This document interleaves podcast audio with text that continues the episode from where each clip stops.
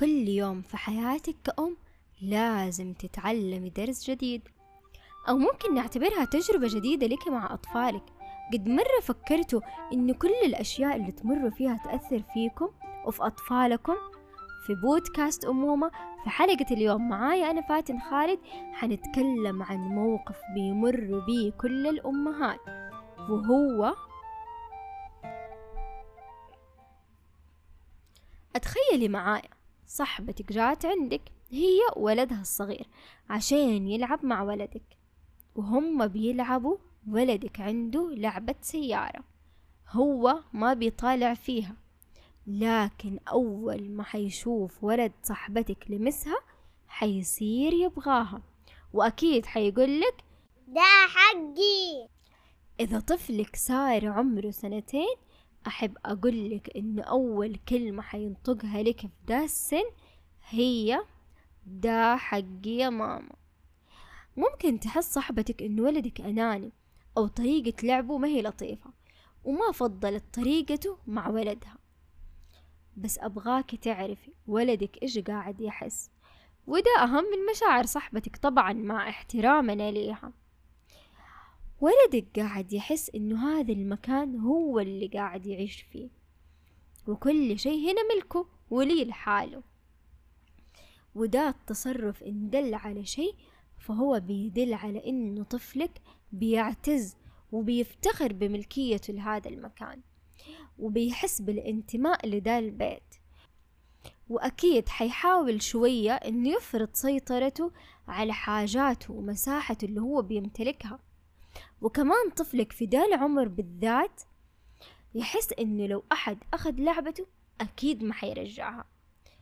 وإنه حيصير دا الشي ملك للطفل اللي هو ماسك اللعبة في يده. واطمني ومرة لا تنحرجي. إذا طفلك في دا السن كان شوية أناني أو متوسط الأنانية. وما يسمح لأحد إنه ياخذ حاجة من حاجاته. ده أبدا ما يدل على أي انعكاس سلبي لأسلوبك معه. لكن ده الموقف مرة مهم عشان من خلاله حتعلميه المشاركة. في دي المرحلة من صفات الطفل الطبيعية إنه يكون شوية شوية أناني. عشان كده لا تتوقع منه إنه حيشارك حاجة هو دوب اكتشفها إنها حقته.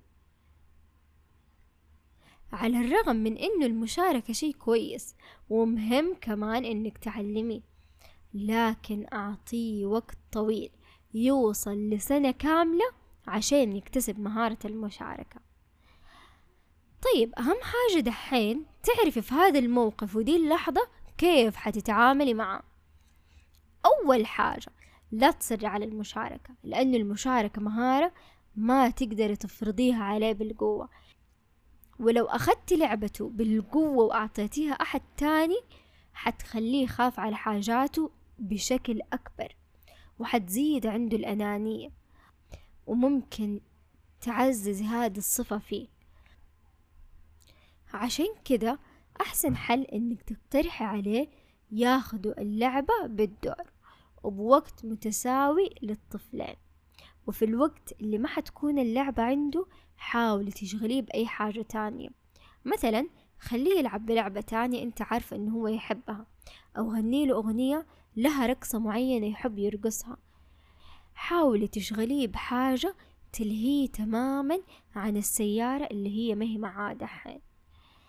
تاني حاجة كلميه عن اللي بيحس بيه الطفل التاني ووضحي له عن شعور ضيفه إذا ما شارك معه أو مثلا قولي له يوسف مرة حيفرح لو خليته يلعب شوية بس بسيارتك وحاولي تحددي له وقت إنه مثلا هذا الطفل حيلعب بلعبتك لمدة عشر دقايق بس.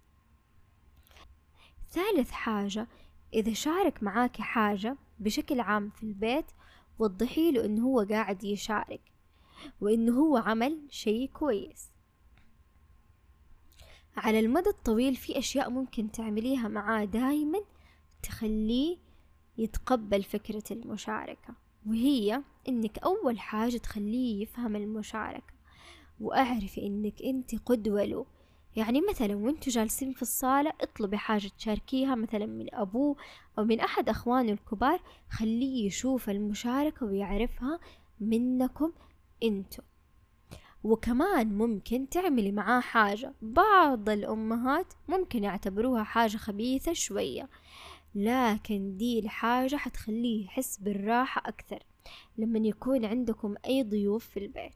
وهي إنه ألعاب اللي يحبها يحتفظ بيها ويخرج الألعاب اللي ما عنده مانع إنه يشاركها مع الأطفال التانيين. وأخيرا لا تنسوا تتابعونا في مواقع التواصل الموجودة في صندوق الوصف وانشروا الحلقة لكل الأمهات اللي تتمنوهم يستفيدوا معانا. واستنوني معاكم الحلقات الجاية في مواقف جديدة.